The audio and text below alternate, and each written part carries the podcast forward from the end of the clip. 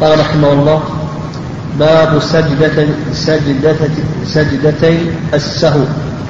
هذا هو الجابر الثاني من جوابر الصلاة. ذكر المؤلف رحمه الله الجابر الأول أو ذكرنا وأشار المؤلف رحمه الله إلى الجابر الأول وهي الأذكار. الآن المؤلف رحمه الله شرع في الجابر الثاني من جابر من جوابر الصلاة وهو السهو وهو سجود السهو. وهذا من رحمة الله عز وجل لكي يأتي المسلم بهذه الفريضة العظيمة يوم القيامة تامة كاملة. قال باب السجدتي السهو وقوله باب مضاف وسجدتي مضاف إليه وسجدتي مضاف والسهو مضاف إليه. وهذا هذه الإضافة من باب إضافة الشيء إلى سببه. يعني السجود الذي سبب سببه السهو. قال والسهو على ثلاثة أضرب. السهو والنسيان والغفلة قال بعض العلماء لأنها ألفاظ مترادفة يجمعها أنها ذهول القلب عن معلوم.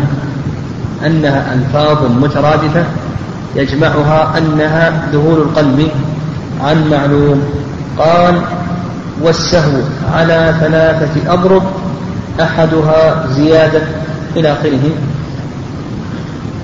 والأصل في سوء السهو قول النبي عليه الصلاة والسلام في حديث مسعود إنما أنا بشر مثلكم أنسى كما تنسون فإذا نسي أحدكم فليسجد سجدتين. إنما أنا بشر مثلكم أنسى كما تنسون فإذا نسي أحدكم فليسجد سجدتين. وهذا أخرجه البخاري ومسلم. إلى آخره.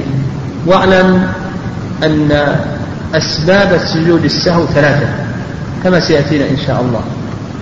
السبب الأول الزيادة والسبب الثاني النقص والسبب الثالث الشك. وسيأتي بإذن الله أحكام كل سبب من هذه الأسباب. وقبل أن ندخل في أحكام سوء السهو نبين ضابط الصلاة التي يشرع فيها سوء السهو. آه ما هو ضابط الصلاة التي يشرع فيها سوء السهو؟ نقول ضابط الصلاة التي يشرع فيها سوء السهو كل صلاة لها تحريم وتحليل. كل صلاة لها تحريم وتحليل فهي صلاة يشرع فيها سوء السهو وهذا يدخل فيه الفرائض والنوافل. الصلاة التي يكون فيها سوء السهو كل صلاة فيها تحريم وتحريم. نعم لا نقول الضابط هي كل صلاة ذات ركوع وسجود. ضابطها كل صلاة ذات ركوع وسجود. فدخل عندنا الفرائض والنوافل وخرج عندنا ما لا ركوع فيه ولا سجود مثل صلاة الجنازة. فلو أن الإنسان سهى, في صلاة الجنازة فإن سجود السهو غير مشروع فيها. كذلك أيضا سجود التلاوة. لو أنه سهى في سجود التلاوة بدلا من أن يسجد سجدة واحدة سجد سجدتين أو سهى في سجود الشكر أو سهى في سجود السهو. نقول لا يشرع سجود السهو. لا يشرع السجود السهو إلا في صلاة ذات ركوع وسجود. فيدخل عندنا الفرائض والنوافل. الصلوات الخمس والجمعة والسنة الرواتب والوتر صلاة العيدين صلاة الكسوف صلاة الاستسقاء إلى آخره إلى آخره. هذه كلها تدخل عندنا. قال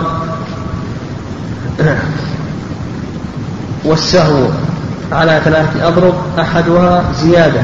شرع المؤلف رحمه الله في السبب الأول من أسباب سوء السهو وهو الزيادة.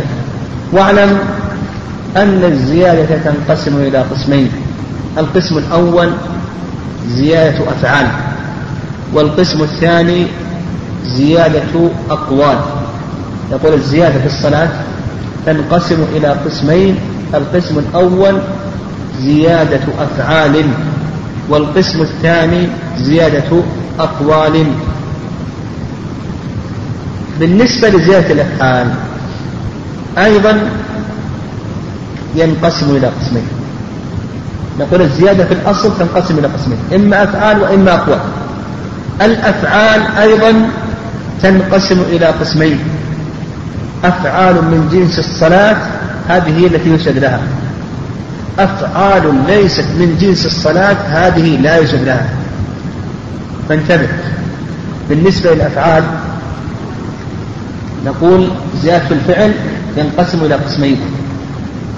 أفعال من جنس الصلاة هذه تسجد لها وأفعال ليست من جنس الصلاة هذه لا يسجد لها.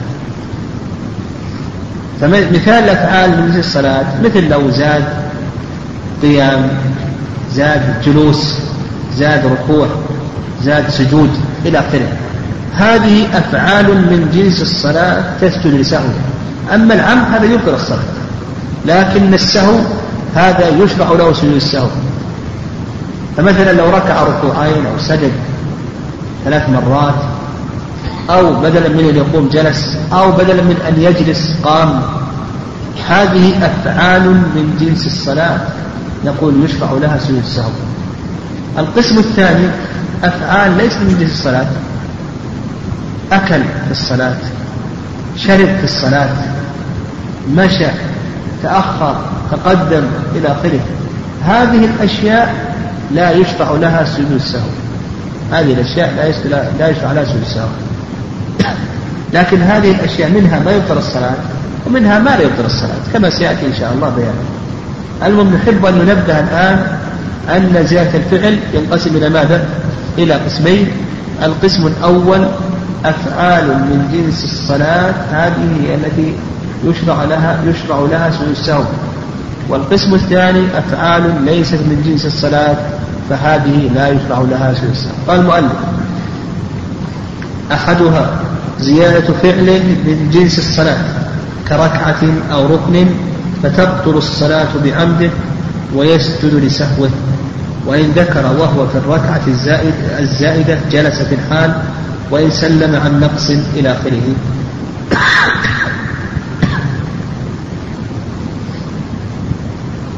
آه، القسم الأول من زيادة الأفعال قلنا أفعال من جنس الصلاة وضرب المؤلف رحمه الله في الركعة. لو زاد ركعة قام إلى خامسة وأتى بها. فنقول إذا أتى الإنسان بركعة فإن ذكر في أثناء الركعة الزائدة أن هذه زائدة. فإنه يجب عليه ماذا؟ يجب عليه أن يجلس في الحال حتى ولو شرع في القراءة حتى مثلا إذا قام إلى خامسة أو قام إلى رابعة في ثلاثية أو ثالثة في ثنائية فإنه حتى ولو شرع في القراءة فإنه يجب عليه أن يجلس في الحال ويتشهد ويسلم ويسجد للسهو بعد السلام كما سيأتينا إن شاء الله الركعة هذه من جنس السلام أو ركن. ركن مثلا زاد قعود زاد قيام زاد ركوع زاد سجود إلى آخره. هذا يقول المؤلف رحمه الله فتبطل الصلاة بحمده ويسجد لسهوه. يسجد لسهوه. طيب متى يجب سجود السهو؟ متى يكون سجود السهو واجبا؟ ومتى يكون غير واجب؟ نقول الضابط في ذلك الضابط في ذلك كل شيء عمده يبطل الصلاة فسهوه يوجب السجود. هذا هو الضابط. الضابط متى يجب سجود السهو متى لا يجب؟ نقول كل شيء عمده يبطل الصلاة فسهوه يوجب السجود. مثلا لو أن الإنسان بدلا من أن يركع ركوعا واحدا ركع ركوعين الركوع الثاني عمد هذا يبطل الصلاة أو لا يبطلها؟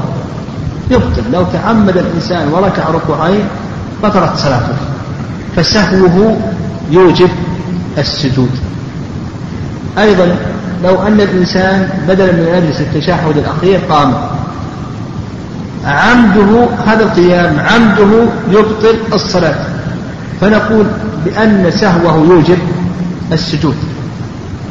مثال ثالث ترك قول سبحان ربي العظيم عمدا. يبطل الصلاة ولا يبطلها عند الحنابلة. يبطلها عند الحنابلة. فسهوه يوجب ماذا؟ يوجب السجود. كذلك أيضا لو ترك قول سبحان ربي الأعلى عند الحنابلة متعمدا فعمده هذا يبطل الصلاة فسهوه يوجب السجود. وعلى هذا فقط. طيب. ترك قول سبحانك اللهم وبحمدك وتبارك اسمك إلى آخره. عمده يبطل الصلاة أو لا يبطل؟ لا يبطل الصلاة. سهوه يوجب السجود أو لا يوجب السجود؟ نقول لا يوجب السجود. يعني وعلى هذا فقس. قال وإن ذكر وهو في الركعة الزائدة جلس في الحال وإن سلم عن نقص في صلاته أتى بما بقي عليه منها ثم سجد. إذا سلم الإنسان هذه في زيادة الأقوال يعني يتكلم المؤلف رحمه الله لكن إذا سلم الإنسان عن نقص في صلاته أتى بما بقي عليه منها ثم سجد. بشرط ألا يطول الفصل. بشرط ألا يطول الفصل. فمثلا بدلا من تصلي العشاء أربع ركعات صلى ركعتين. ثم سلم. فإن طال الفصل وجب عليه أن يعيد الصلاة من أولها وإن لم يطل الفصل يعني ذكر بعد دقيقة دقيقتين ثلاث أربع خمس هنا الآن ما طال الفصل لم يطل الفصل فنقول يأتي بما نقص ويسجد للسهو كما سيأتينا إن شاء الله وموضع سجوده كما سيأتي إن شاء الله بعد السلام. ودليل ذلك حديث أبي هريرة في الصحيحين في قصة ذي اليدين فإن النبي عليه الصلاة والسلام صلى بهم إحدى صلاتي العشر. فصلى فسلم النبي عليه الصلاة والسلام عن ركعتين.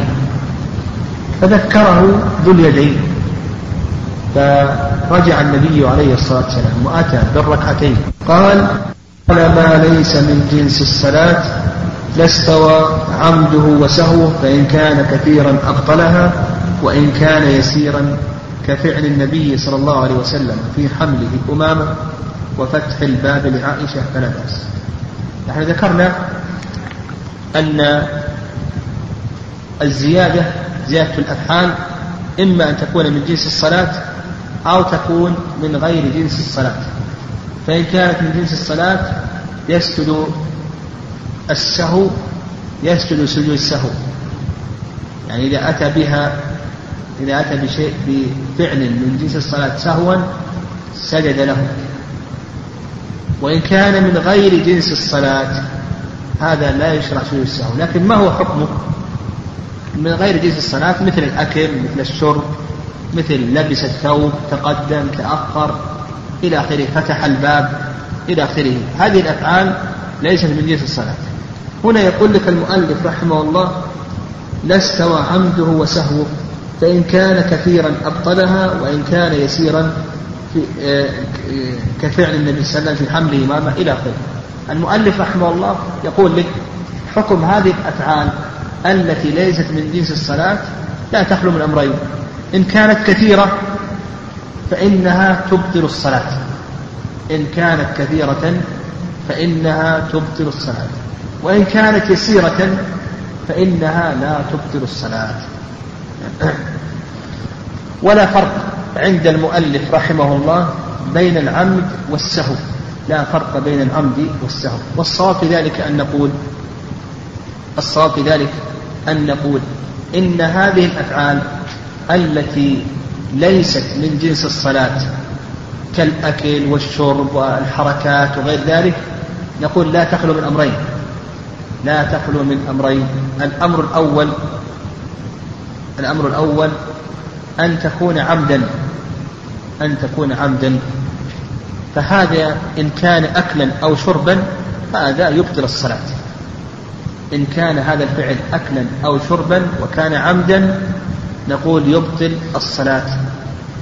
وإن كان حركة تقدم وتأخر عمدا وتحرك في ثيابه ولبس أو فتح الباب وغير ذلك نقول هذا إذا كان عمدا وكان كثيرا متواليا بلا ضرورة يبطله فعندنا الصواب أن هذه الأفعال ليست من جنس الصلاة.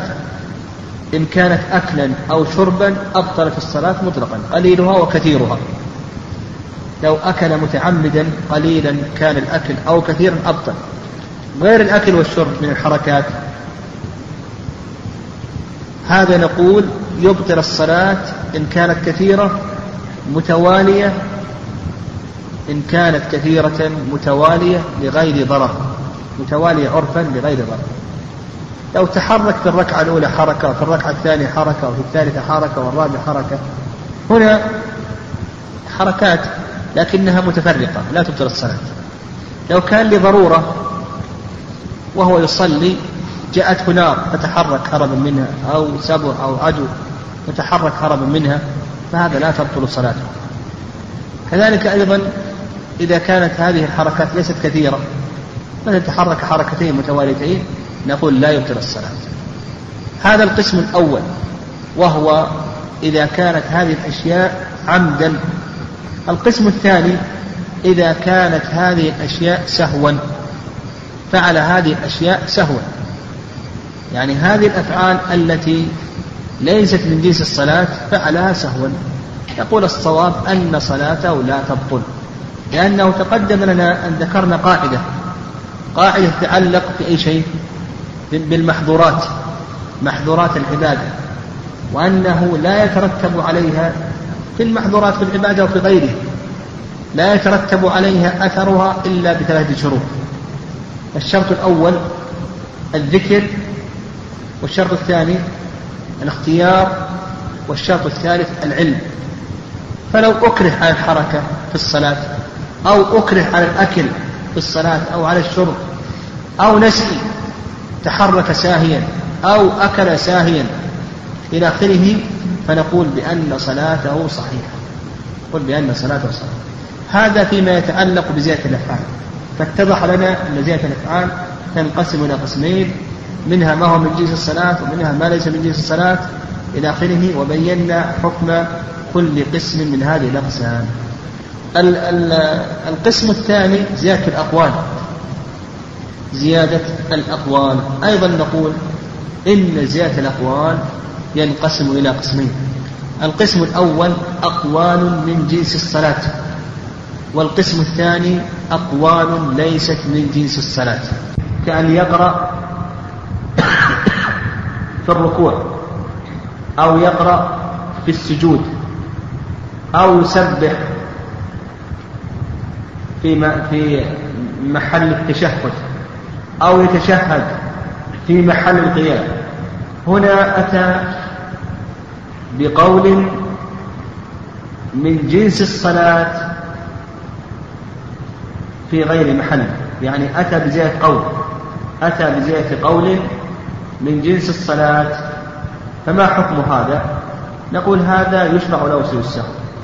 فلو أن الإنسان تشهد في حال القيام أو قرأ في حال الجلوس أو قرأ في حال السجود أو الركوع سهوا فنقول يشرع له سوء السهو يستحب له أن يسجد. لعموم قول النبي عليه الصلاة والسلام إذا نسي أحدكم فليسجد سجدتين. فزيادة الأقوال إذا كانت من جنس الصلاة هذا يستحب له سوء السهو لما ذكرنا من الدليل. ولا يجب سجود السهو لأنه سبق لنا ضابط وجوب سوء السهو وأن سوء السهو يجب في كل شيء عمده يبطل الصلاة. ومثل هذه الأشياء عمدها لا يبطل الصلاة.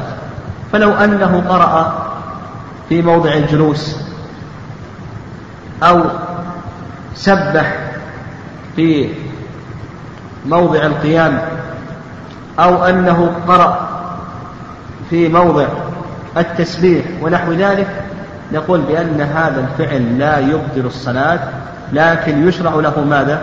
سجود السهو يعني يستحب له أن يسجد للسهو.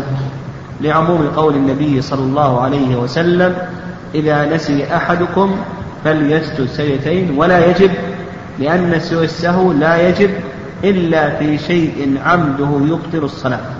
وعمد هذه الأشياء لا يبطل الصلاة. القسم الثاني إذا كان القول ليس من جنس الصلاة مثل أن يتكلم في الصلاة. مثل أن يتكلم في الصلاة. فنقول هذا لا يخلو من أمرين. إن كان متعمدا ذاكرا عالما مختارا فهذا تبطل عليه صلاته. لقول النبي صلى الله عليه وسلم في حديث معاوية بن الحكم السلمي رضي الله تعالى عنه إن صلاتنا هذه لا يصلح فيها شيء من كلام الآدميين. إنما هو التكبير والتسبيح وقراءة القرآن. فنقول إذا زاد قولا من غير جنس الصلاة متعمدا كأن تكلم متعمدا فإن صلاته تبطل عليه. لما ذكرناه من حديث معاوية ابن الحكم رضي الله تعالى عنه. وإن كان سهوا تكلم سهوا فنقول هذا موضع خلاف بين أهل العلم والصواب في هذه المسألة أن صلاته صحيحة ولا تبطل عليه. فلو أنه تكلم في الصلاة سهوا ناسيا أو جاهلا أو مكرها فصلاته صحيحة. لأننا سبق أن أشرنا إلى قاعدة وهي أن سائر المحظورات سائر المحظورات سواء كانت في الصلاة أو في الصيام أو في الحج وسائر المناهي والمعاصي لكي تترتب عليها آثارها لا بد لها من ثلاثة شروط. الشرط الأول الذكر الشرط الثاني الاختيار والشرط الثالث العلم. وعلى هذا لو أنه تكلم ناسيا أو تكلم جاهلا أو تكلم مكرها في الصلاة فإن صلاته صحيحة. ويدل لذلك ما تقدم من حديث معاوية بن الحكم رضي الله تعالى عنه. فإن معاوية تكلم في صلاته ومع ذلك لم يأمره النبي صلى الله عليه وسلم بإعادة الصلاة لأنه كان جاهلا وكان الكلام في الصلاة أول الإسلام جائزا. ثم بعد ذلك نسخ ولم يعلم معاوية رضي الله تعالى عنه بالنسخ والنهي عن الكلام فتكلم فعلمه النبي صلى الله عليه وسلم ولم يأمره النبي عليه الصلاة والسلام بالإعادة. هناك بعض الأشياء بعض الأصوات اختلف فيها أهل العلم رحمهم الله. هل تبطل الصلاة أو لا تبطل الصلاة؟ إلى آخره. مثل النحنحة ومثل النف يعني لو نفخ فبان حرفان أو تنحنح وبان حرفان ومثل آه البكاء الأنين لو أن في صلاته أو تنحنح أو نفخ إلى آخره. هل هذه الأشياء تبطل الصلاة أو لا تبطل الصلاة؟ مثل أيضا لو قهقه في صلاته إلى آخره. فنقول هذه الأشياء كلها لا تبطل الصلاة كما هو اختيار شيخ الإسلام تيمية رحمه الله. لأن هذه الأصوات لا تعتبر يعني هذه الأصوات التي تدل على حال المصوتين لا تعتبر كلاما من حيث الوضع من حيث وضع اللغة النحنحة والنف والتأوه والأنين وغير ذلك من هذه الأصوات التي تدل على أحوال المصوتين هذه لا تسمى كلام من حيث وضع اللغة. والذي جاء الشرع بأنه مبطل للصلاة هو الكلام. وهذه لا تسمى كلاما وإنما تدل على أحوال المصوتين. فالصواب في مثل هذه الأشياء ما اختاره شيخ الإسلام تيمية رحمه الله أنها لا تبطل الصلاة إلا ما يتعلق بالقهقه. إذا القهقه ضحكة معروفة. إذا قهقه الإنسان في صلاته ضحك في صلاته فإن صلاته تبطل عليه. لأن مثل هذا ينافي الصلاة والخشوع فيها. وبهذا انتهينا من من السبب الأول وهو الزيادة. وتلخص لنا أن الزيادة إما أن تكون زيادة أقوال أو تكون زيادة أفعال والأفعال إما أن تكون من جنس الصلاة أو من غير جنس الصلاة وبينا حكم كل قسم من هذه الأقسام. والأقوال أيضا إما أن تكون من جنس الصلاة أو تكون من غير جنس الصلاة وبينا أيضا حكم كل قسم من هذه الأقسام. قال الضرب الثاني النقص كنسيان واجب فإن قام على التشهد الأول فذكر قبل أن يستتم قائما رجع فأتى به. هذا السبب الثاني من أسباب سجود السهو وهو النقص. والنقص ينقسم إلى ثلاثة أقسام. القسم الأول نقص الواجب والقسم الثاني نقص الركن والقسم الثالث نقص المستحب. فالنقص في الصلاة ينقسم إلى هذه الأقسام الثلاثة. نقص واجب أو ركن أو مستحب. وبدأ المؤلف رحمه الله بنقص الواجب فقال كنسيان واجب. ثم ذكر التشهد الأول لأن التشهد الأول من الواجبات.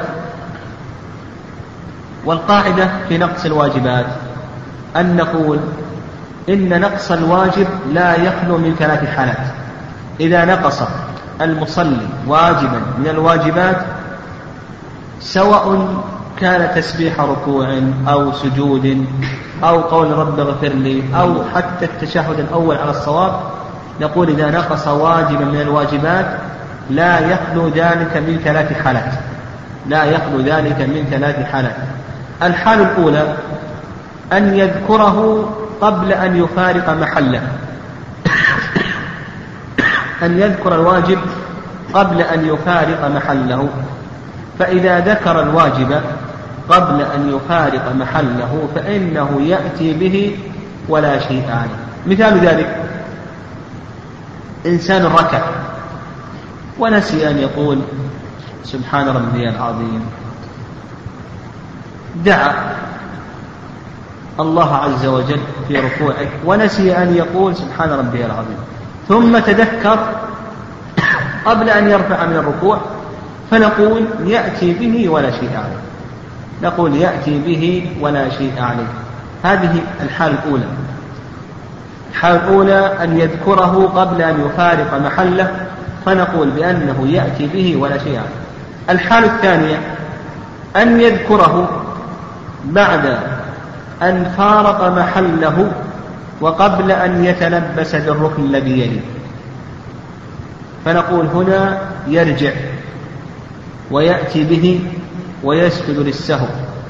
ويكون سجوده في هذه الحال بعد السلام لأنه زيادة كما سيأتينا إن شاء الله.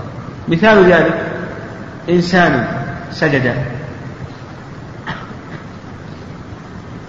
ونسي أن يقول سبحان ربي الأعلى. ثم بعد ذلك رفع من السجود. رفع من سجوده. لكن قبل أن يتلبس بالجلسة بين السجدتين ذكر أنه لم يسبح. ماذا نقول له؟ ها؟ نقول ارجع. ارجع. وأتي بالواجب تسبيحة السجود. وعليك سجود السهو لأنك زدت في الصلاة. زاد هذا النهوض زاده في الصلاة فنقول هذه زيادة في الصلاة تسجدها بعد السلام. هذه الحالة الثانية. الحالة الثالثة أن يذكره بعد أن تلبس بالركن الذي يليه. فهنا نقول يسقط عنك هذا الواجب وتجبره بالسجود ويكون سجودك قبل السلام لأنك نقصت في الصلاة. مثال ذلك مثال ذلك شخص سجد ونسي أن يقول سبحان ربي الأعلى ونهض وجلس واستتم جالسا نهض واستتم جالسا فلما استتم جالسا تذكر أنه لم يقل سبحان ربي الأعلى.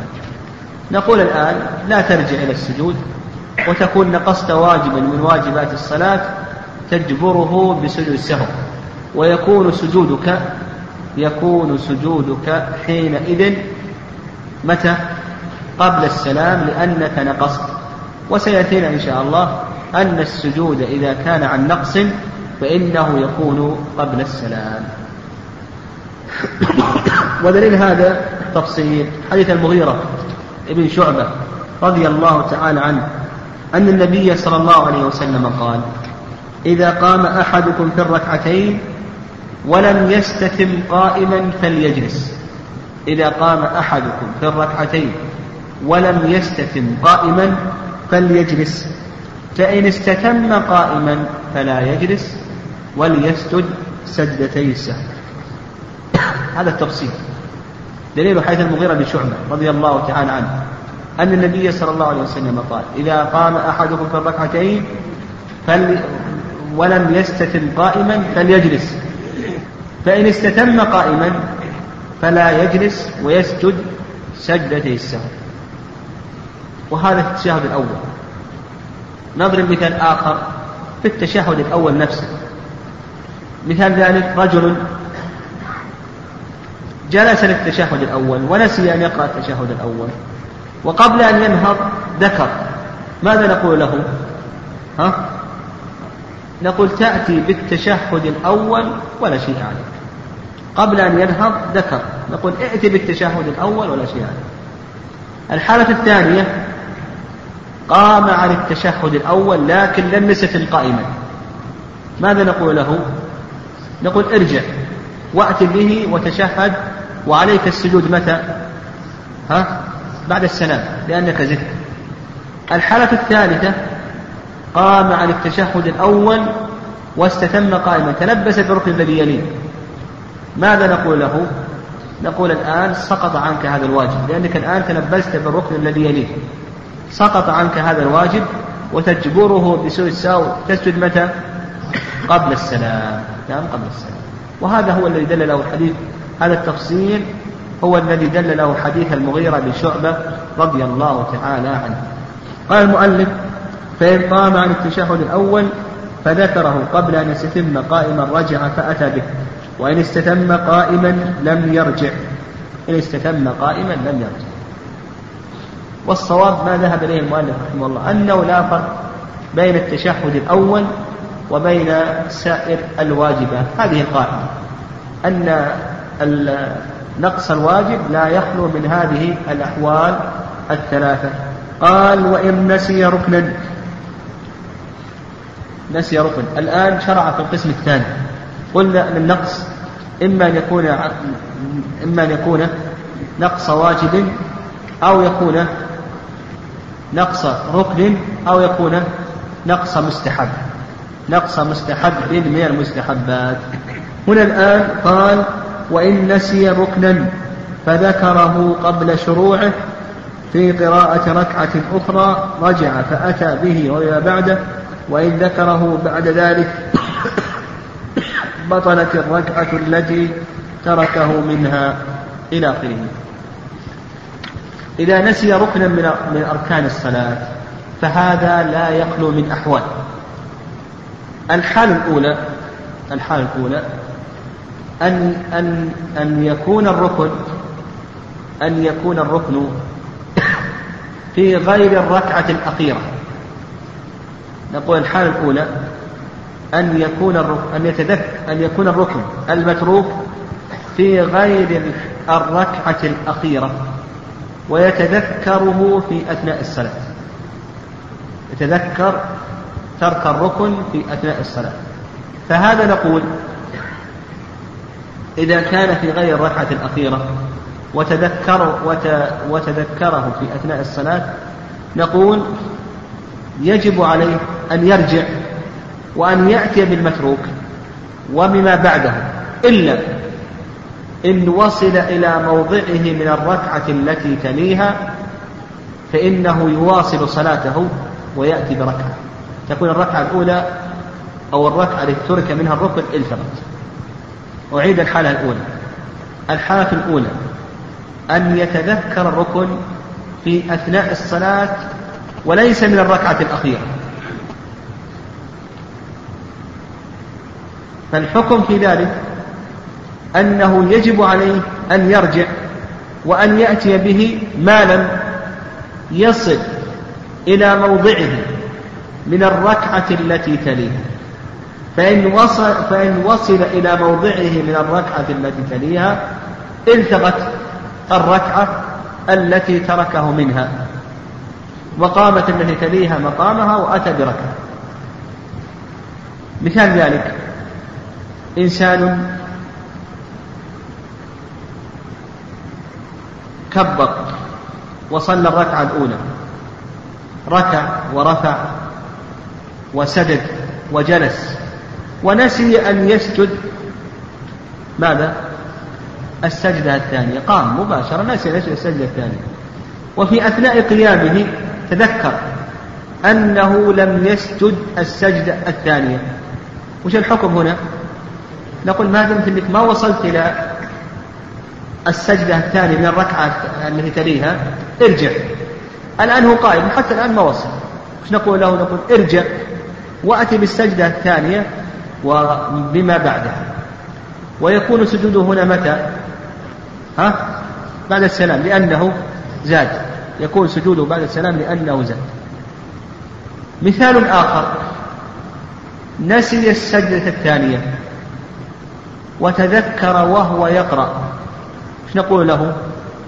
ها؟ نقول ارجع. وأتي بالسجدة الثانية وبما بعدها مثال ثالث. نسي السجدة الثانية وهو في الركوع. ها؟ ماذا نقول له؟ نقول ارجع. ارجع وأتي بالسجدة الثانية وبما بعدها.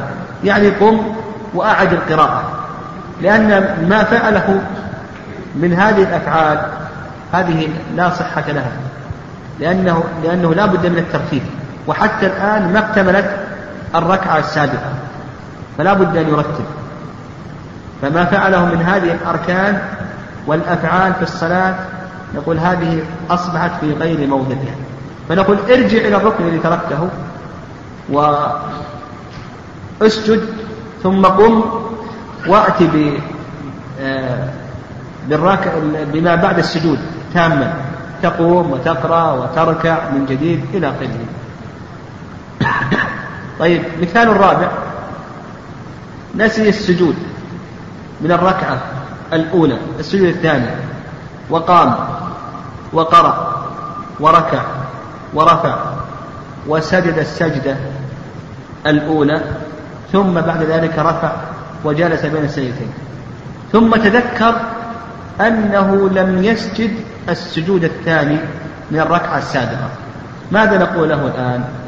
نقول الآن الركعة الأولى الآن وصلت إلى محله وصلت إلى محله من الركعة السابقة فنقول التقت عليك الركعة السابقة وتقوم الركعة الثانية مقامها وتواصل صلاتك ولا ترجع. تواصل الصلاة وتكون الركعة الثانية تقوم مقام السابقة وتأتي بأي شيء؟ بركعة. تأتي بركعة.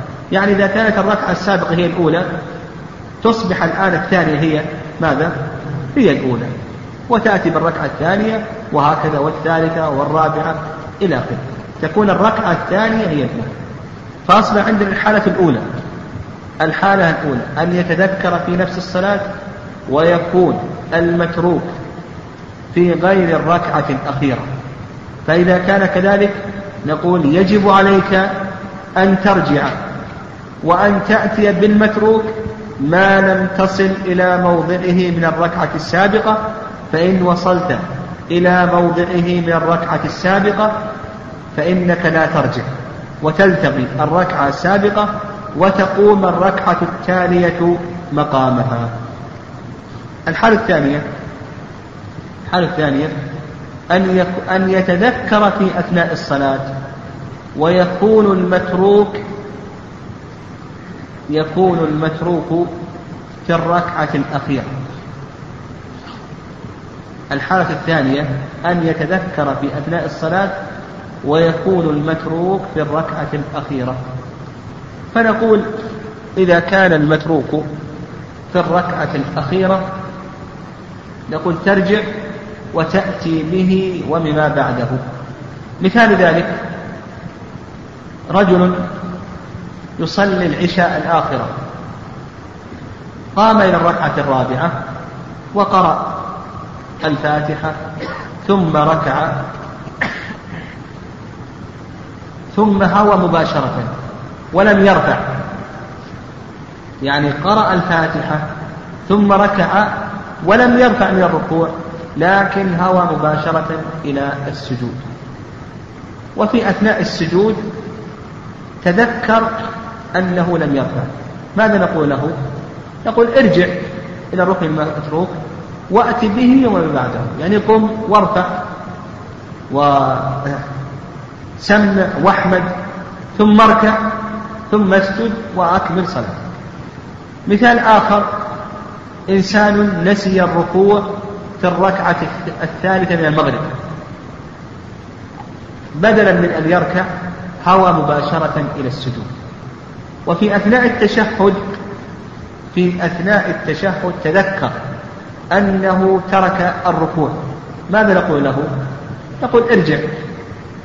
واركع وارفع واسجد السجدتين وتشهد أكمل الصلاة. يعني يأتي بالمتروك وبما بعده. يكمل صلاته. وقلنا بأن أنه لا يحتسب يعني ما بعد المتروك ولو فعله صحيحا لا يحتسب به. من أجل ماذا؟ من أجل الترتيب لأن لأن لأن لأنه يعني إذا كان ترك الركوع ما بعد الركوع فعله في غير محله. حتى الآن جاء محله. محله بعد الركوع. حتى الآن ما فعل الركوع. الحالة الثالثة أن يذكر المتروك بعد بعد نهاية الصلاة. بعد أن انتهى من صلاته تذكر أنه لم يركع مثلا في الركعة الأولى أو لم يركع في الركعة الثانية أو إلى آخره أو لم يسجد. يعني تذكر بعد أن انتهى من صلاة سلم من الصلاة وانتهى منها ثم بعد ذلك تذكر أنه ترك ركنا من أركان الصلاة في الركعة الأولى في الثانية في الثالثة في الرابعة. فنقول هذا إن كان هذا المتروك في غير الركعة الأخيرة فإنه يأتي بركعة كاملة وإن كان في الركعة الأخيرة فإنه يرجع ويأتي به وما بعده الحالة الثالثة والأخيرة من ترك الأركان نقول إذا تذكر بعد الانتهاء من صلاته فإن كان المتروك في الركعة في غير الركعة الأخيرة فإنه يأتي بركعة كاملة وإن كان في الركعة يأتي بركعة كاملة ويسجد للسهو متى؟ بعد السلام لأنه زاد وإن كان في الركعة الأخيرة فإنه يرجع ويأتي به ومما بعده ويسجد للسهو بعد السلام. فمثلا لما سلم تذكر أنه نسي الركوع في الركعة الأولى نقول تأتي بركعة لأنك لما نسيت الركوع في الركعة الأولى وصلت إلى محل من الركعة الثانية فالتقت الأولى بقي عليك الآن ركعة واحدة تأتي بركعة وتسجد للسهو بعد السلام.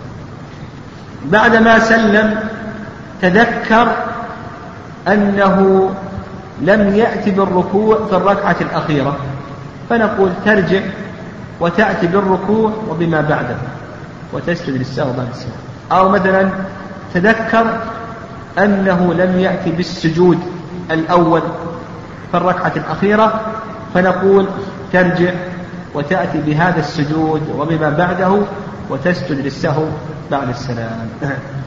هذا ما يتعلق بترك الأركان نقص الأركان. فأصبح عندنا نقص الأركان ينقسم إلى هذه الأقسام الثلاثة. القسم الثالث القسم الثالث نقص المستحبات. إذا نقص مستحبا من المستحبات مثلا نقص الاستفتاح. اللهم باعد بيني وبين خطاياي إلى آخره. أو سبحانك اللهم ربنا وبحمدك أو الاستعاذة أو المسمنة أو غير ذلك من المستحبات. فهذا نقول لا يجب عليه سوء السهو. لأن القاعدة عندنا في وجوب سوء السهو أن سوء السهو يجب متى؟ في شيء عمده يبطل الصلاة. وهذه الأشياء عمدها لا يبطل الصلاة. هذه الأشياء عمدها لا يبطل الصلاة. لو ترك الاستفتاح عمدا فإن صلاته صحيحة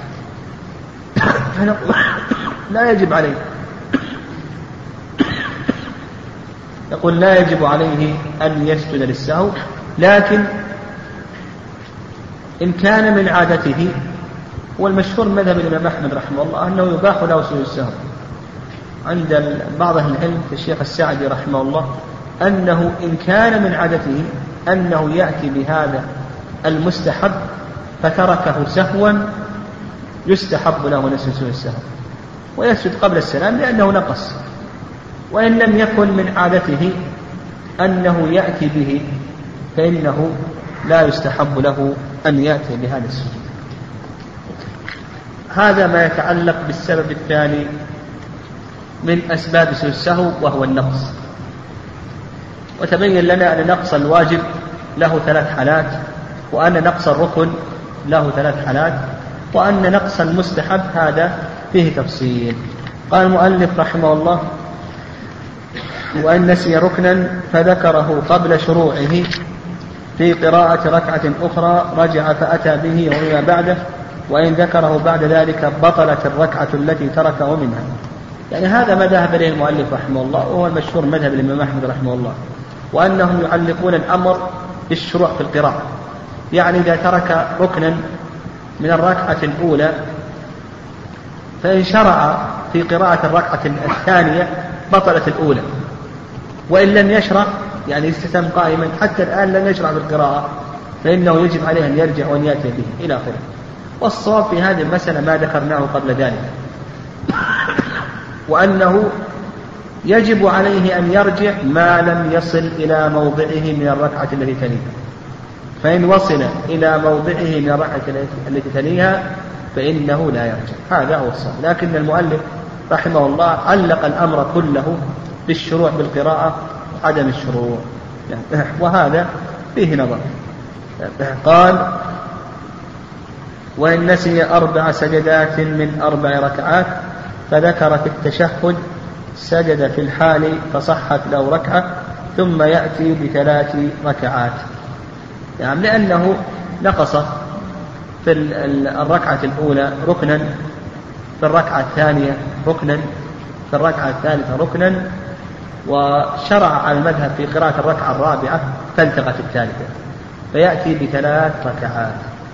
وأيضا على القول الصواب أيضا إذا ترك السجود من الركعة الثالثة ثم بعد ذلك سجد السجدتين وأتى بالتشهد يكون وصل إلى موضعه من الركعة تليها فعليه ثلاث ركعات. قال الضرب الثالث الشك.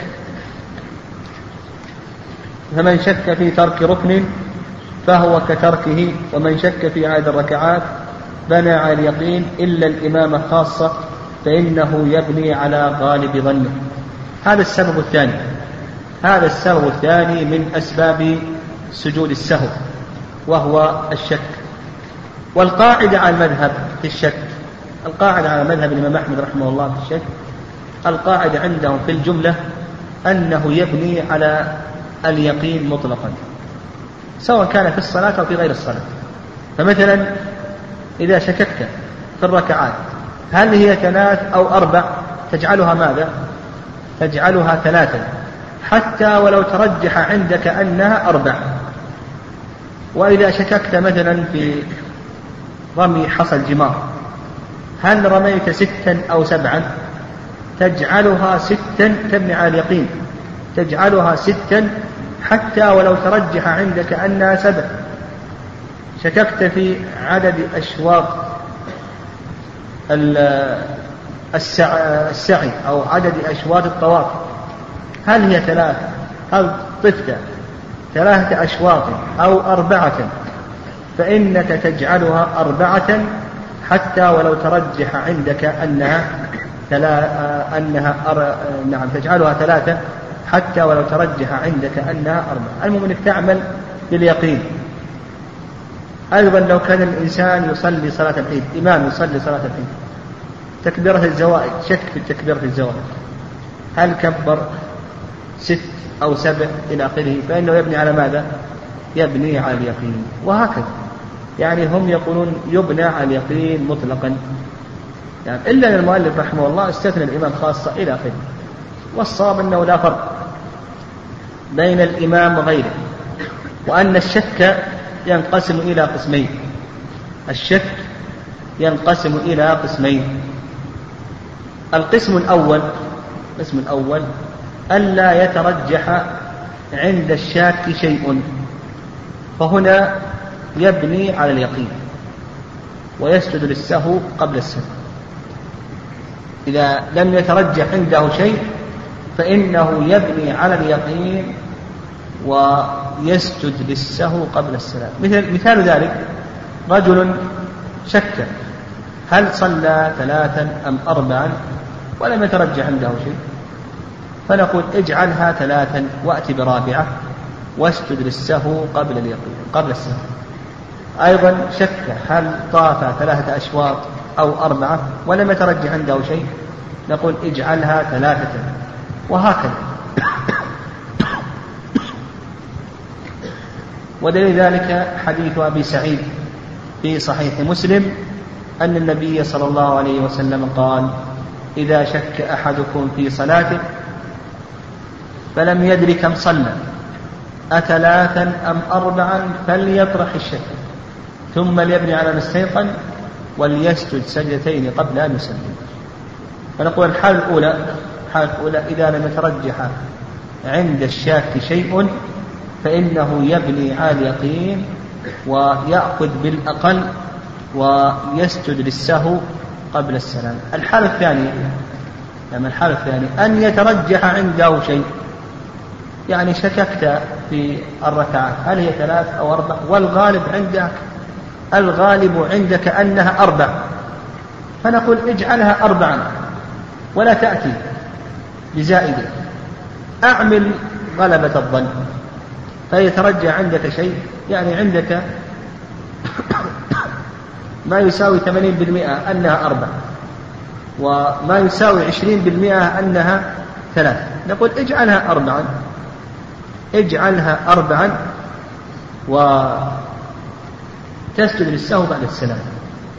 ودليل ذلك حيث ابن مسعود أن النبي صلى الله عليه وسلم قال إذا شك أحدكم في صلاته فليتحرى الصواب. فليتحرى الصواب ثم ثم ليبني عليه. ثم يسلم. ثم يسجد سجدتين بعد ما يسلم. هذا في في البخاري. حيث ابن مسعود رضي الله تعالى عنه أن النبي صلى الله عليه وسلم قال إذا شك أحدكم في صلاته فليتحرى الصواب. فقوله فليتحرى الصواب هذا دليل على إعمال غلبة الظن. ثم ليبني عليه ثم يسلم ثم يسجد سجدتين بعد ما يسلم. وهذا القول بهذا التفصيل هو اختيار شيخ الإسلام ابن تيمية رحمه الله. وأن الإنسان شكه لا يخلو من هذين الأمرين طيب مثال آخر لو أن إنسانا شك في صلاته لا يدري هل هي ثلاثة أو أربع لكن ترجح له أنها ثلاثة ماذا نقول؟ نقول اجعلها كم؟ اجعلها ثلاثا ما دام أنه ترجح عندك أنها ثلاثة يعني تعمل بالراجع سواء كان الأقل أو الأكثر اجعلها ثلاثا وتسجد للسهو بعد السلام. قال رحمه الله ولكل سهو سجدتان قبل السلام إلا من سلم عن نقص في صلاته والإمام إذا بنى على غالب ظنه. والناس للسجود قبل السلام فإنه يسجد بعد سلامه ثم يتشهد ويسلم هنا الآن المؤلف رحمه الله تعرض إلى مسألة وهي ما هو موضع سجود السهو؟ ما هو موضع سجود السهو؟ هل يسجد قبل السلام أو يسجد بعد السلام؟ المشهور من مذهب الإمام أحمد رحمه الله أن الإنسان مخير إذا حصل لك سهو. سواء كان عن زيادة زدت في الصلاة زدت ركعة أو ركوعا أو سجودا أو كان عن نقص نقصت مثلا تسبيحة ركوع أو تسبيحة سجود إلى آخره. المشهور من مذهب الإمام أحمد رحمه الله أنك مخير. إن شئت تسجد قبل السلام فاسجد قبل السلام. وإن شئت تسجد بعد السلام أسجد بعد السلام. والأفضل قالوا الأفضل أن تسجد قبل السلام إلا في حالة واحدة. إلا في حالة واحدة فالأفضل أن تسجد بعد السلام. وليس على سبيل الوجوب وإنما هو على سبيل الأفضلية. وهي ما إذا سلم الإنسان قبل تمام صلاته.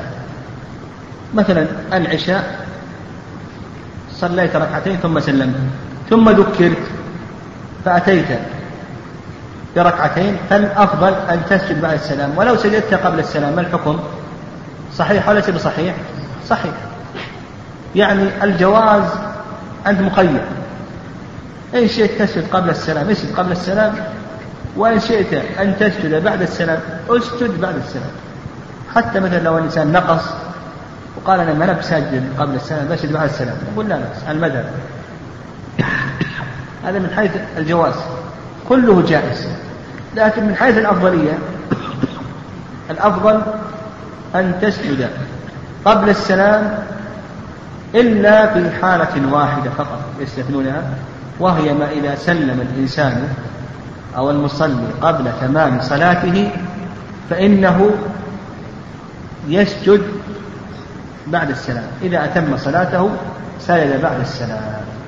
هذا هو المشهور من مذهب الإمام أحمد رحمه الله والرأي الثاني رأي أبي حنيفة. أبو حنيفة يقول السجود بعد السلام. عن زيادة عن نقص إلى آخره يرى أن السجود بعد السلام. الشافعي على عكس من ذلك. السجود قبل السلام. مالك قال إن كان عن نقص فقبل السلام وإن كان عن زيادة فبعد السلام. يعني عندنا أبو حنيفة رحمه الله يقول بعد السلام. الشافعي قبل السلام. مالك إن كان عن نقص فقبل السلام وإن كان عن زيادة فبعد السلام. وعند شيخ الإسلام تيمية رحمه الله تفصيل في هذه المسألة. شيخ الإسلام رحمه الله يقول بأن سجود السهو يكون قبل السلام في موضعين وجوبا. يعني على سبيل الوجوب يجب عليك أن تسجد قبل السلام. وفي موضعين يكون بعد السلام على سبيل الوجوب. أما الموضعان اللذان يكون السجود فيهما قبل السلام فالأول إذا نقص في صلاته. إذا نقص في صلاته فإنه يسجد قبل السلام. ويدل ذلك حيث عبد الله بن بحينة في الصحيح.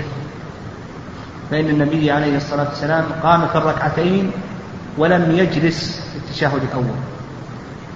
فلما قضى صلاته وانتظر الناس تسليمه سجد سجدتين قبل أن يسلم. نعم وهذا في الصحيحين. حيث عبد الله بن بحينة رضي الله تعالى عنه. أنه قام في الركعتين ولم يجلس للتشهد الأول. فلما قضى صلاته وانتظر الناس تسليمه سجد سجدتين قبل أن يسلم الموضع الثاني إذا شك في صلاته وبنى على اليقين على الأقل ما ترجح عنده شيء؟ فإنه يسجد قبل السلام. وهذا دليل حيث أبي سعيد في صحيح مسلم أن النبي صلى الله عليه وسلم قال إذا شك أحدكم في صلاته فلم يدر كم صلى أثلاثا أم أربعا فليطرح الشك وليبني على ما استيقن ثم يسجد سجدتين قبل أن يسجد حيث ابن سعيد إذا شك أحدكم في صلاته فلم يدري كم صلى أثلاثا أربعا فليطرح الشك وليبني على ما استيقن ثم يسجد سجدتين قبل أن يسلم. أما الموضعان اللذان يكون السجود فيهما بعد السلام فالموضع الأول إذا كان عن زيادة إذا زاد في صلاته فإنه يسجد بعد السلام. ويدل له حيث أبي هريرة في قصة ذي اليدين فإن النبي عليه الصلاة والسلام صلى بهم إحدى صلاته العشي فسلم من ركعتين فذكره الصحابة رضي الله تعالى عنهم فاستقبل النبي عليه الصلاة والسلام القبلة وأتم الصلاة وسجد بعد السلام. استقبل عليه الصلاة والسلام القبلة وأتم الصلاة وسجد بعد السلام. وهنا زاد النبي عليه الصلاة والسلام في الصلاة. فبدلا من أن يسلم سلاما واحدا سلم سلامين. وأيضا الحكمة تقتضي ذلك. الحكمة تقتضي ذلك. تقتضي أن يكون السجود في السهو في حال الزيادة بعد السلام. لئلا يجتمع في الصلاة ماذا؟ لئلا يجتمع في الصلاة زيادتان. هو الآن زاد ركوع. الركعة الأولى ركع مرتين لو قلنا أسجد قبل السلام حصل في الزيادة كم من زيادة؟ زيادتان. زيادة السهو وزيادة سجود السهو. فنقول اجعل السجود سجود السهو اجعله بعد السلام لئلا يجتمع في الصلاة زيادة. الحالة الثانية إذا شك إذا شك وترجح عنده شيء فإنه يسجد بعد السلام. إذا شك وترجح عنده شيء يعني ترجح عنده أنها ثلاث شك هذه ثلاثة وأربع ترجح أنها ثلاثة ترجح أنها أربع فإنه يسجد بعد السلام. نقول أسجد بعد السلام. ولذلك ما تقدم من حيث ابن مسعود في البخاري. أن النبي عليه الصلاة والسلام قال إذا شك أحدكم في صلاته فليتحرى الصواب ثم يبني عليه ثم يسلم ثم يسجد سجدتين بعد ما يسلم. نعم. هنا قال لك المؤلف رحمه الله والناس للسجود قبل السلام فإنه يسجد سجدتين بعد بعد سلامه ثم يتشهد ويسلم.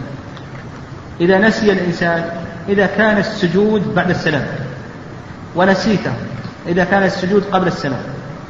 ونسيته فإنك تسجد بعد السلام. مثلا في حال النقص السجود يكون متى؟ في حال النقص يكون قبل السلام. إنسان قبل نعم قبل أن يسجد نسي وسلم. فنقول أسجد حتى بعد السلام اقض هذا السجود. تقضيه. إلا إذا طال الفصل. إذا طال الفصل عن الإنسان فإنه يسقط عنه. مثال ذلك. نسي أن يسجد. نسي أن يسجد. فنقول أسجد مع السلام لكن طال عليه الفصل.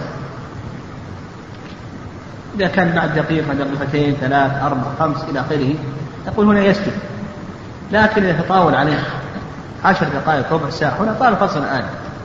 نقول سقط عنك سجود السهو. أيضا لو كان سجود السهو بعد السلام. إنسان زاد في الصلاة فقال سأسجد بعد السلام. وسلم ونسي نقول إن ذكره قريبا فإنه يأتي به. وإن ذكره بعد أن طال الفصل فإن يسقط عنه سجود السهو قال وليس على المأموم سجود سهو إلا أن يسهو إمامه إلا أن يسهو إمامه فيسجد معه. نعم. المأموم هل عليه السهو أو ليس عليه السهو؟ نقول المأموم هذا لا يخلو من حالتين. الحالة الأولى أن يكون غير مسبوق. فإذا كان غير مسبوق فإن الإمام يتحمل عنه سجود السهو. فلو أن المأموم نقص في صلاته أو زاد أو شك فنقول بأن الإمام يتحمل عنه سجود السهو مثال ذلك مأموم يصلي خلف الإمام فنسي أن يقول سبحان ربي العظيم في الركوع أو سبحان ربي الأعلى في السجود. فنقول الإمام يتحمل عنه سجود السهو ولا يسجد ما دام أنه غير مسبوق. وكذلك أيضا لو زاد مثال ذلك مأموم بدلا من أن يجلس للتشهد الأول مع الإمام قام سهوا وانتصب قائما. فنقول لا سجود عليه يتحمل عنه الإمام سجود السهو. أو شك في صلاته هذا المأموم شك في الصلاة. لا يدري هل هذه الركعة هي الرابعة أو الثالثة إلى آخره. فنقول بأن الإمام يتحمل عنه فما دام أنه ما دام أنه غير مسبوق فإن الإمام يتحمل عنه القسم الثاني أن يكون المأموم مسبوقا يعني فاته من الصلاة ركعة فأكثر. فهذا يجب عليه سجود السهو في مواضع. الموضع الأول موضع الأول إذا سهى في من فرد به عن الإمام. فيجب عليه سوء السهو. مثال ذلك مأموم فاته ركعة من الصلاة فقام يقضي هذه الصلاة فسهى فيها نقص واجب من الواجبات أو زاد ركع مرتين إلى آخره فنقول بأنه يسجد للسهو. فالموضع الأول إذا سهى في من فرد به عن الإمام فإنه يسجد للسهو. الموضع الثاني إذا سهى فيما أدرك فيه الإمام. الموضع الثاني إذا سهى فيما أدرك فيه الإمام فإنه يسجد للسهو. مثال ذلك مأموم جاء والإمام يصلي صلاة العشاء الآخرة. فأدرك معه الركعة الثالثة والرابعة وفي الركعة الثالثة التي أدركها مع الإمام سهى المأموم ونسي أن يقول سبحان ربي الأعلى في السجود أو سبحان ربي العظيم في الركوع أو زاد إلى آخره. فنقول إذا انتهى من قضاء صلاته فإنه يسجد للسهو عن هذا النقص الذي نقصه مع الإمام. فنقول الموضع الثاني إذا سهى فيما أدرك فيه الإمام فإنه يسجد للسهو. الموضع الثالث إذا كان سجود السهو بعد السلام فإن المأموم إذا كان مسبوقا لا يتابع الإمام بل يقضي ما عليه ثم بعد ذلك يسجد للسهو إن أدرك هذا السهو مع الإمام فإن لم يكن أدركه فلا عليه سجود وإن شك سجد. يقول الموضع الثالث إذا كان سجود الإمام بعد السلام فإنه لا يتابع الإمام. لأن الإمام سيسلم وكيف يتابعه بالسلام وصلاته حتى الآن لم تنتهي بعد. فماذا نقول لهذا المأموم؟ نقول لهذا المأموم قم فاقض ما عليك من الصلاة ثم بعد ذلك اسجد إذا انتهيت من قضاء ما فاتك من الصلاة. تسجد إن أدركت السهو مع الإمام. فإن لم تكن أدركته سهى الإمام قبل أن تشرع معه فلا سجود عليك إن شككت فإنك تسجد.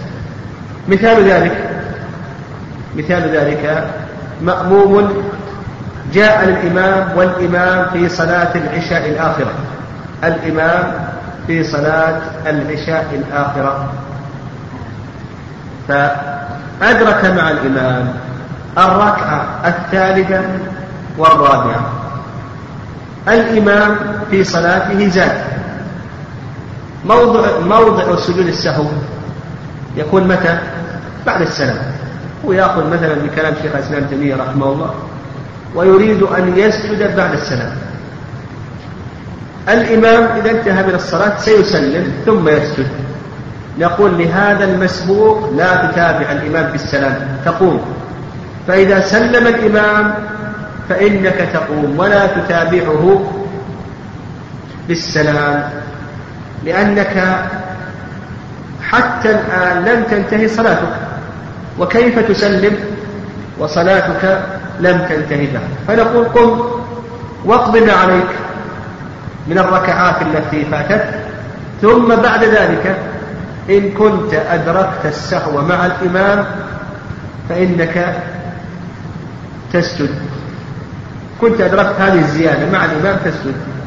وإن كنت لم تدرك هذه الزيادة أو هذا السهو مع الإمام فإنه لا سجود عليك. وإن شككت لا تدري هل أدركت أو لم تكن أدركت فإنك تسجد احتياطا. تسجد بعد السلام احتياطا. هناك موضع رابع أضافه بعض أهل العلم.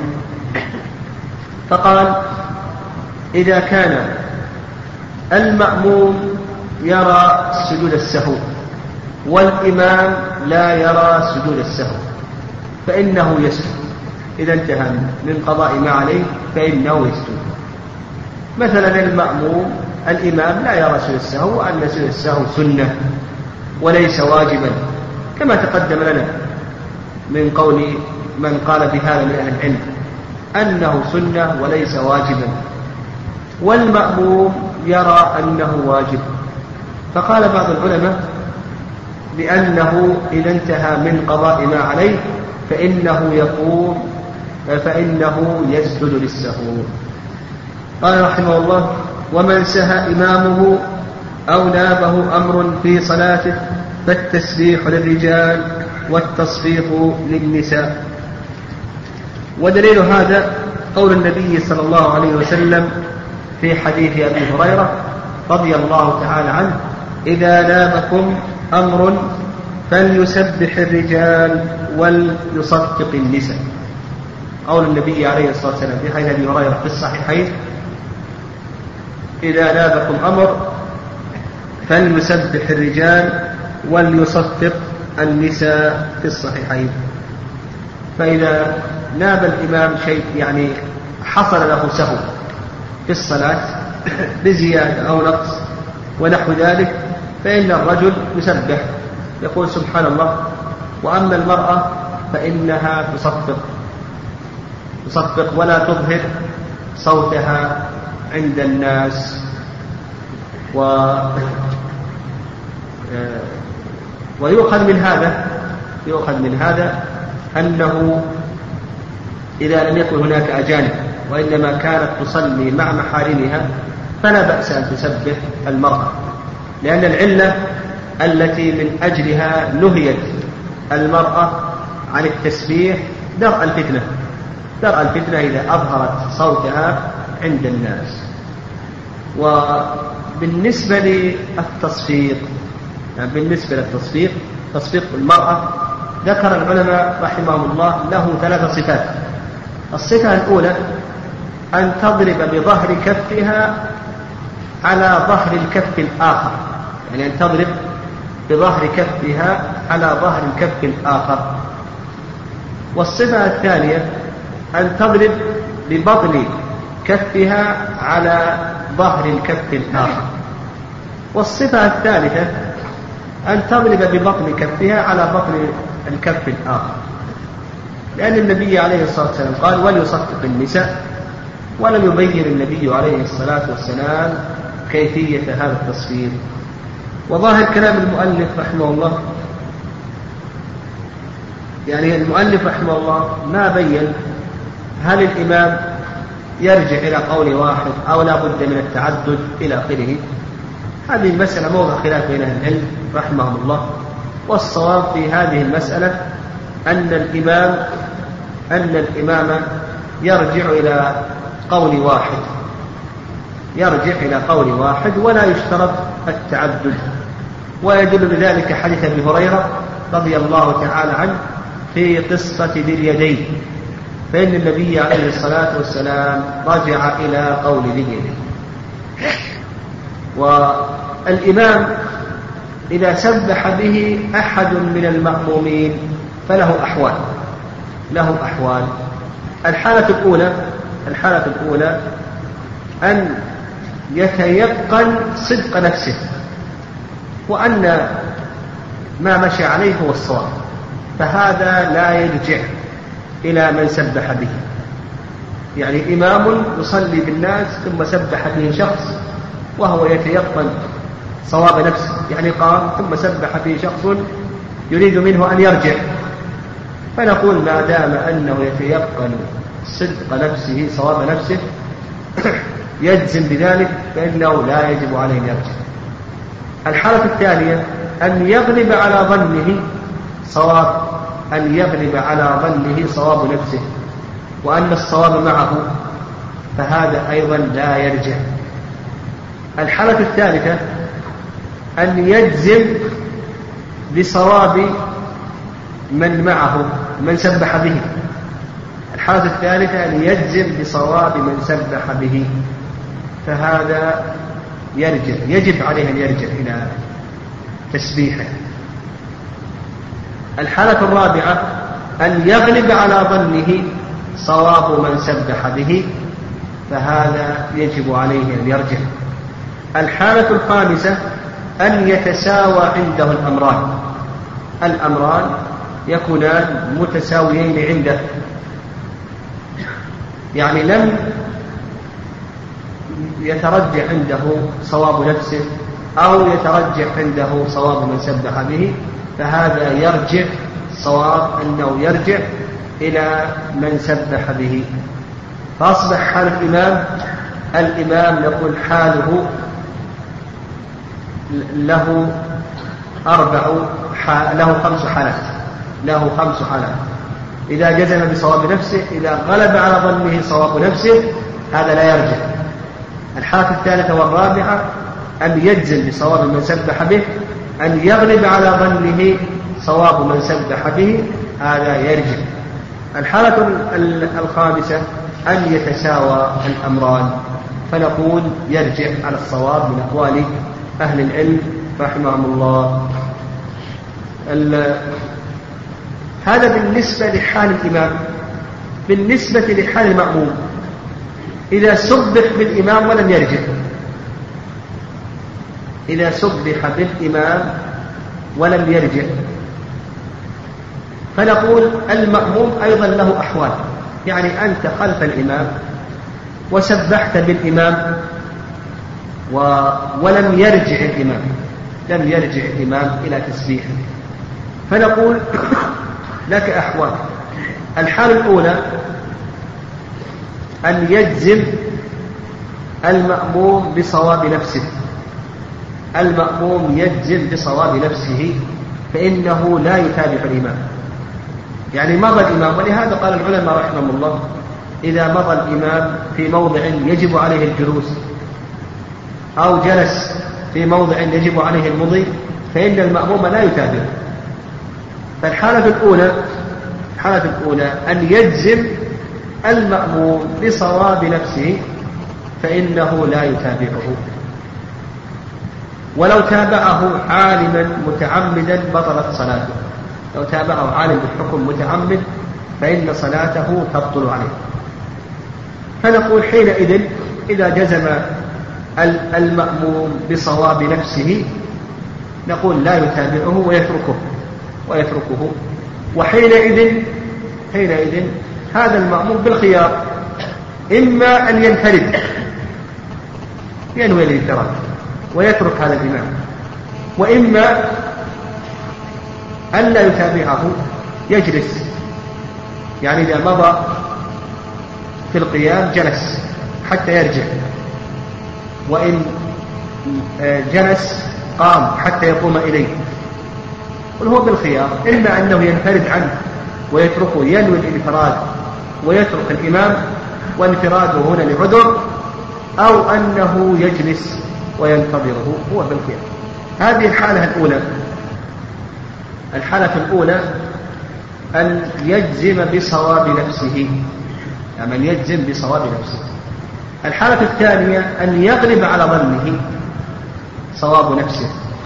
أيضا حكم هذه الحالة كالحالة السابقة. الحالة الثالثة أن يشك.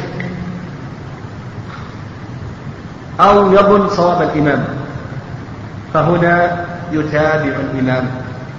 هنا يتابع الإمام.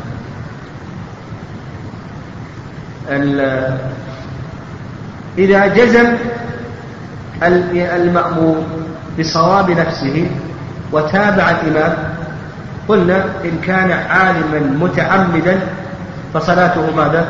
تبطل عليه. فإما أن ينفرد أو يترك متابعته حتى يرجع إليه الإمام. إذا كان إذا كان جاهلا جزم بصواب نفسه لكنه جاهل في الحكم وتابع الإمام. فالعلماء رحمهم الله يقولون من تابعه جاهلا في الحكم فإن صلاته صلاته صحيحة بعذر الجهل.